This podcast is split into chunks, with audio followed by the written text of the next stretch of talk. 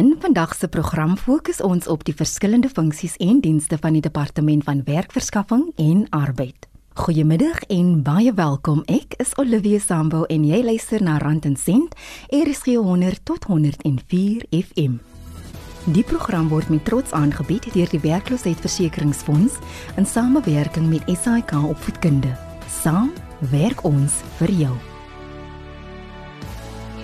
Die departement van werkverskaffing en arbeid het begin met 'n bewusmakingsveldtog oor die verskeidenheid dienste wat hulle bied. Die werkloosheidsversekeringsfonds is maar een van die dienste wat beskikbaar is en waar werkers gehelp kan word as hulle afgedank word. Aantal tekorte van die departement van werkverskaffing en arbeid in Kimberley in die Noord-Kaap gee meer inligting oor die voordele van die werkloosheidsversekeringsfonds. Okay, daar's 5 voordele waarvoor jy kan eis. Die eerste een is werkloosheidsversekeringsvoordele. Dit is soos ek nou gesê het, as die werkgewer jou dienste beëindig, dan kan jy kom aansoek doen. Dan het ons siektevoordele. Dit is as jy meer as 7 dae siek is, as jy nou nie by die werk kan kom as gevolg van jou siekte nie en die werkgewer kan jou ongelukkig nie vir daai periode betaal nie, dan kan jy kom aansoek doen vir siektevoordele. Kraamvoordele is wanneer 'n dame swanger geraak het en die babatjie is gebore en sy kan ook om aansoek doen vir kraamvoordele. Ons betaal gewoonlik 121 dae uit, dis gelykstaande aan 4 maande. Dan is daar aannemingsvoordele. Dis wanneer 'n persoon of 'n paartjie of iemand 'n kind aanneem, dan moet ons 'n aannemingsbevel hê en dan kan die persoon kom aansoek doen ook vir 121 dae wat ook gelykstaande is aan 4 maande. Dan het ons doodsvoordele. Die doodsvoordele is 'n paar stappe. Die persoon wat eers kan aansoek doen vir die doodsvoordele is die wettige vrou of man. As daar nie so 'n persoon is nie, dan kan 'n wettige life partner, lewensmaat aansoek doen vir voordele. En dan as daai persoon ook nie daar is nie, dan kan die kinders kom aansoek doen. As hulle onder 18 is, kan die persoon wat vir hulle toesig verantwoordelik is, in Engels sê ons die guardians, kan hulle kom aansoek doen vir die voordele namens die kinders.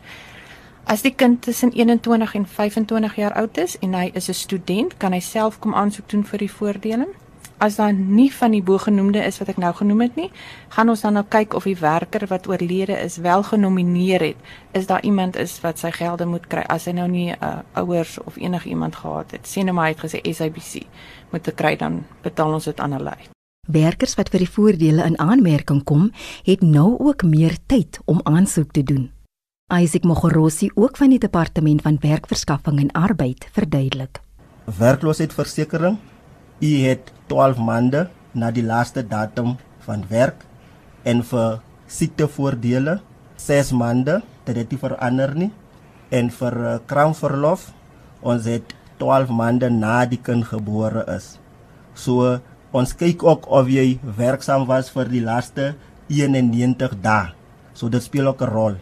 So vir aannemingsvoordele is dit ook 12 maande en vir doodsvoordele dit is van 6 maande na 18 maande. Ons het daai tyd ingesit dat ons mense kan genoeg tyd het om te aansoek te kom doen. Dan moet die regte dokumentasie elke maand reg ingevul en ingedien word. Wat baie belangrik is, die werkgewer moet maandeliks 'n uh, deklarasie gedoen het. Met ander woorde, hy moet die UI19 op 'n maandelikse basis deurgegee het vir ons sodat ons weet wat was jou salaris op 'n maandelikse basis. Baie werkgewers het dit nie so gedoen nie. Met ander woorde, hulle het 'n UI19 ingevul die dag toe jy begine werk het. Nou gaan jy op kraam, nou vul hulle weer UI19 in. So al jou salaris tussenin is nou nie ingedien gewees by ons nie. Dit is hoekom dit baie belangrik is dat die werkgewers dit op 'n maandelikse basis voltooi en dan as ons nou die inligting by jou kry die UI 19 en dan die UI 2.7 wat nou sê jy kry salaris of 'n nie salaris van die werkgewer af, dan gaan ons dit nou kan vas lê en dan gaan ons nou sien nee maar daar kort nou 'n salaris uiteensetting. Dit is hoekom ons eintlik die werkgewers aanbeveel om 'n U-filing stelsel te gebruik sodat hulle dan dit op 'n maandelikse basis vir ons kan deurgee. Daar is werkgewers wat ongelukkig nie die stelsel kan gebruik nie as gevolg van internetprobleme en sulke goed. Dan moet hulle die U-anentes op 'n maandelikse basis voltooi. So as ons jou nie wil op en af stuur nie, dan moet die werkgewer basies net seker maak dat as hy die inligting vir ons deurgee dat dit die korrekte inligting is wat ons benodig en laat al die inligting vandat jy begine werk het tot die dag wat jy opgehou gewerk het of dan op kraamvoordele gegaan het dat aan die, al die inligting daar is. Ook om dit miskien vir julle as werkers daar buitekant makliker te maak, gaan op die stelsel in en doen jou aansoek op die stelsel want hy sê vir jou presies wat jy nodig het om te doen. So gesels Anta Tekorte van die Departement van Werkverskaffing en Arbeid in Kimberley. Dan is daar ook die vergoedingsfonds. Ingevolge artikel 35 van die Wet op Vergoeding en Beroepsbeserings en Siektes kan jy of jou afhanklikes eis van die vergoedingsfonds as jy 'n besering aan diens opdoen, 'n siekte as gevolg van jou werk opdoen of sterf. Ilse Marie van der Walt is die nasionale bestuurder vir gesondheid en veiligheid van Ser Synergy in Pretoria. Hier gesels sy oor vergoeding vir beroepsbeserings. Dis beskerming in 'n mate om seker te maak dat wanneer jy seer kry, jy behandeling gaan kan kry of in sommige gevalle ehm um, proteses kan kry as jy 'n ledemaat verloor het. Daar is mense wat al 'n arm of so verloor het. Workmanskamp het dan die ledemaat, die protese wat hulle dan moes kry, is dan daar uitgedra. Die een groot kopseer as dit kom by hierdie is die tydperk wat dit vat vir Workmanskamp om 'n proses af te handel en dat dit soms 2 jaar of meer kan vat voordat hulle soms uitbetalings maak aan werknemers sou jy by die huis gesit het vir 'n sekere tydperk omdat jy nie by die werk kon wees nie. Die werkgewer is verantwoordelik om die eerste 3 maande 75% van jou salaris te dra. Daai bedrag kan dan geëis word by Workmen's Comp alhoewel mens heel moontlik dit maar net gaan afskryf op die boeke. Na 3 maande is dit dan die workman's comp se verantwoordelikheid om daai betalings te maak vir die tydperk wat jy by die huis sit. Maar soos ek sê, die prosedure om dit afgehandel te kry kan verskriklik lank vat en om by die huis te sit omdat jy nie kan werk nie is 'n groot probleem en dan word jy nie eers uitbetaal daartoe nie daar's kollegas van my waar die een persoon um, se man nou nog nie 2 jaar later al uitbetaal is nie. Soos ek sê, die proses kan nogal lankdurig wees. En as jy nie gereeld opvolg nie, kan die eis soms verdwyn. Dit klink glad nie nou 'n motivering vir werknemers om daai proses te volg nie, ek weet, maar die proses word wel op 'n stadium afgehandel. Dis net ongelukkig vat dit 'n tydjie vir die werknemer mm. dis 'n verlies aan inkomste. Mm. Want dis tog aan die einde van die dag hoekom ons werk tog aan ja. om inkomste te kry. En nie net dit nie, maar ook die emosionele tol wat dit mm. neem van jou om jy is skielik waar jy 'n werkende gesonde mens was, het jy nou miskien hierdie gebrek. Jy ek kan nie meer gaan werk nie. Ek kan ook nie geld mm. verdien nie en jy wag vir 'n hele 2 jaar. Dit moet verskriklik wees. Dit is. Kan nie indink hoe 'n persoon in daai posisie moet voel wat by die huis sit en hulle kan nie hulle self help nie. Hulle kan nie hulle families help nie. En die mense wat normaalweg seer kry is daai wat alreeds uit 'n swaar omstandighede uitkom, want hulle doen die meer hoë risiko werk. So hulle is in 'n bietjie van 'n nie ons 'n bietjie nie, hulle is in 'n baie moeiliker omstandigheid want nou moet kinders uit die skool uit gaan om die ouers te kan onderhou want die ouers kan nie meer die kinders onderhou nie en dan beïnvloed dit ons ekonomie baie sleg. Dit was Ilse Marie van der Walt van Ser Synergy. Vir enige vrae of kommentaar oor vandag se program, stuur 'n e-pos na randencent.rsg@gmail.com of luister saam op die DStv kanaal 813. Jy kan ook die program aflaai by www.rsg.co.za en volg ons ook op Twitter, Facebook en YouTube.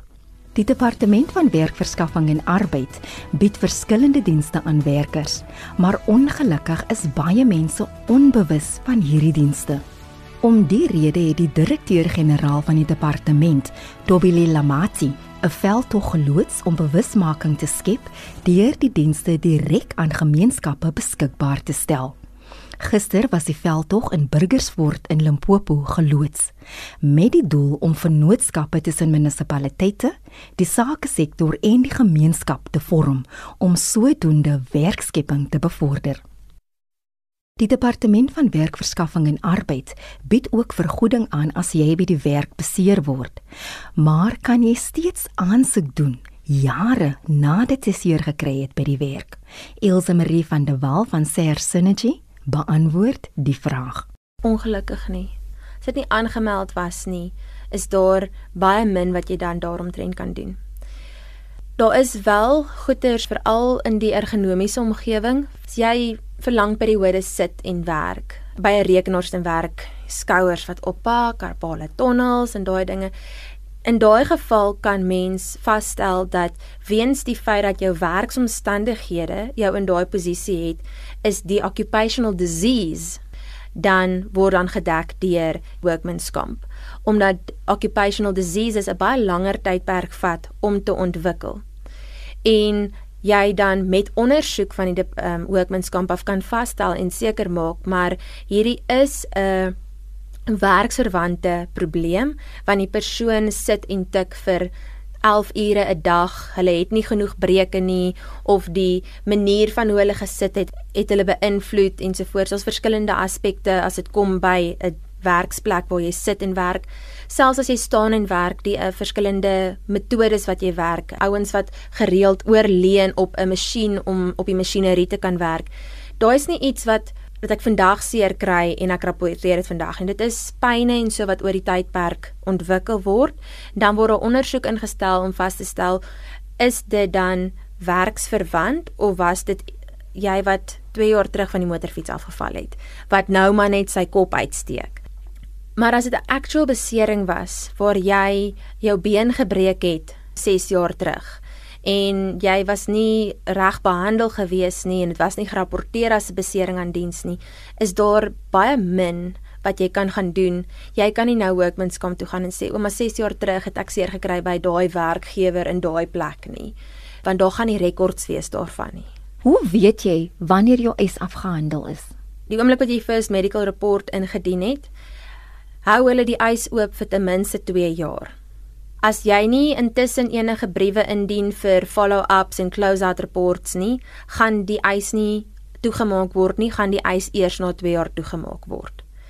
As daar nog steeds aangehou word om verslae ingedien te word, bly die eis aktief tot en met die finale verslag wat dan sê, "Oké, okay, die persoon se behandeling is nou afgehandel vir die besering en hulle is nou weer kan weer voortgaan normaal." So as daar nie enige verslae ingedien word nie, gaan jou eis nie sommer binne 2 jaar afgehandel wees nie. As dit 'n geval is van ek was by die dokter gewees, hy het vir my steke gegee, ek was 3 weke later vir 'n opvolg, ek kry my papiertjie en dit sê die saak is nou afgehandel, jy is gesond, jy kan voortgaan, dan moet daai dokumentasie ook ingedien word om dan die eis vroeër te kan afhandel en dan daardeur die proses te probeer verspoedig omdat dit nie meer oop is nie en dit nou die dokter se verslae en al daai kostes nou verhaal moet word ook. En so gesels Elsje Marie van der Walt van Ser Synergy in Pretoria.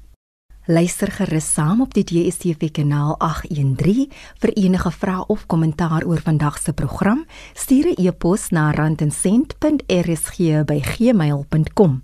Jy kan ook die program aflaai by www.rsg.co.za en volg ons gerus ook op Twitter, Facebook en YouTube.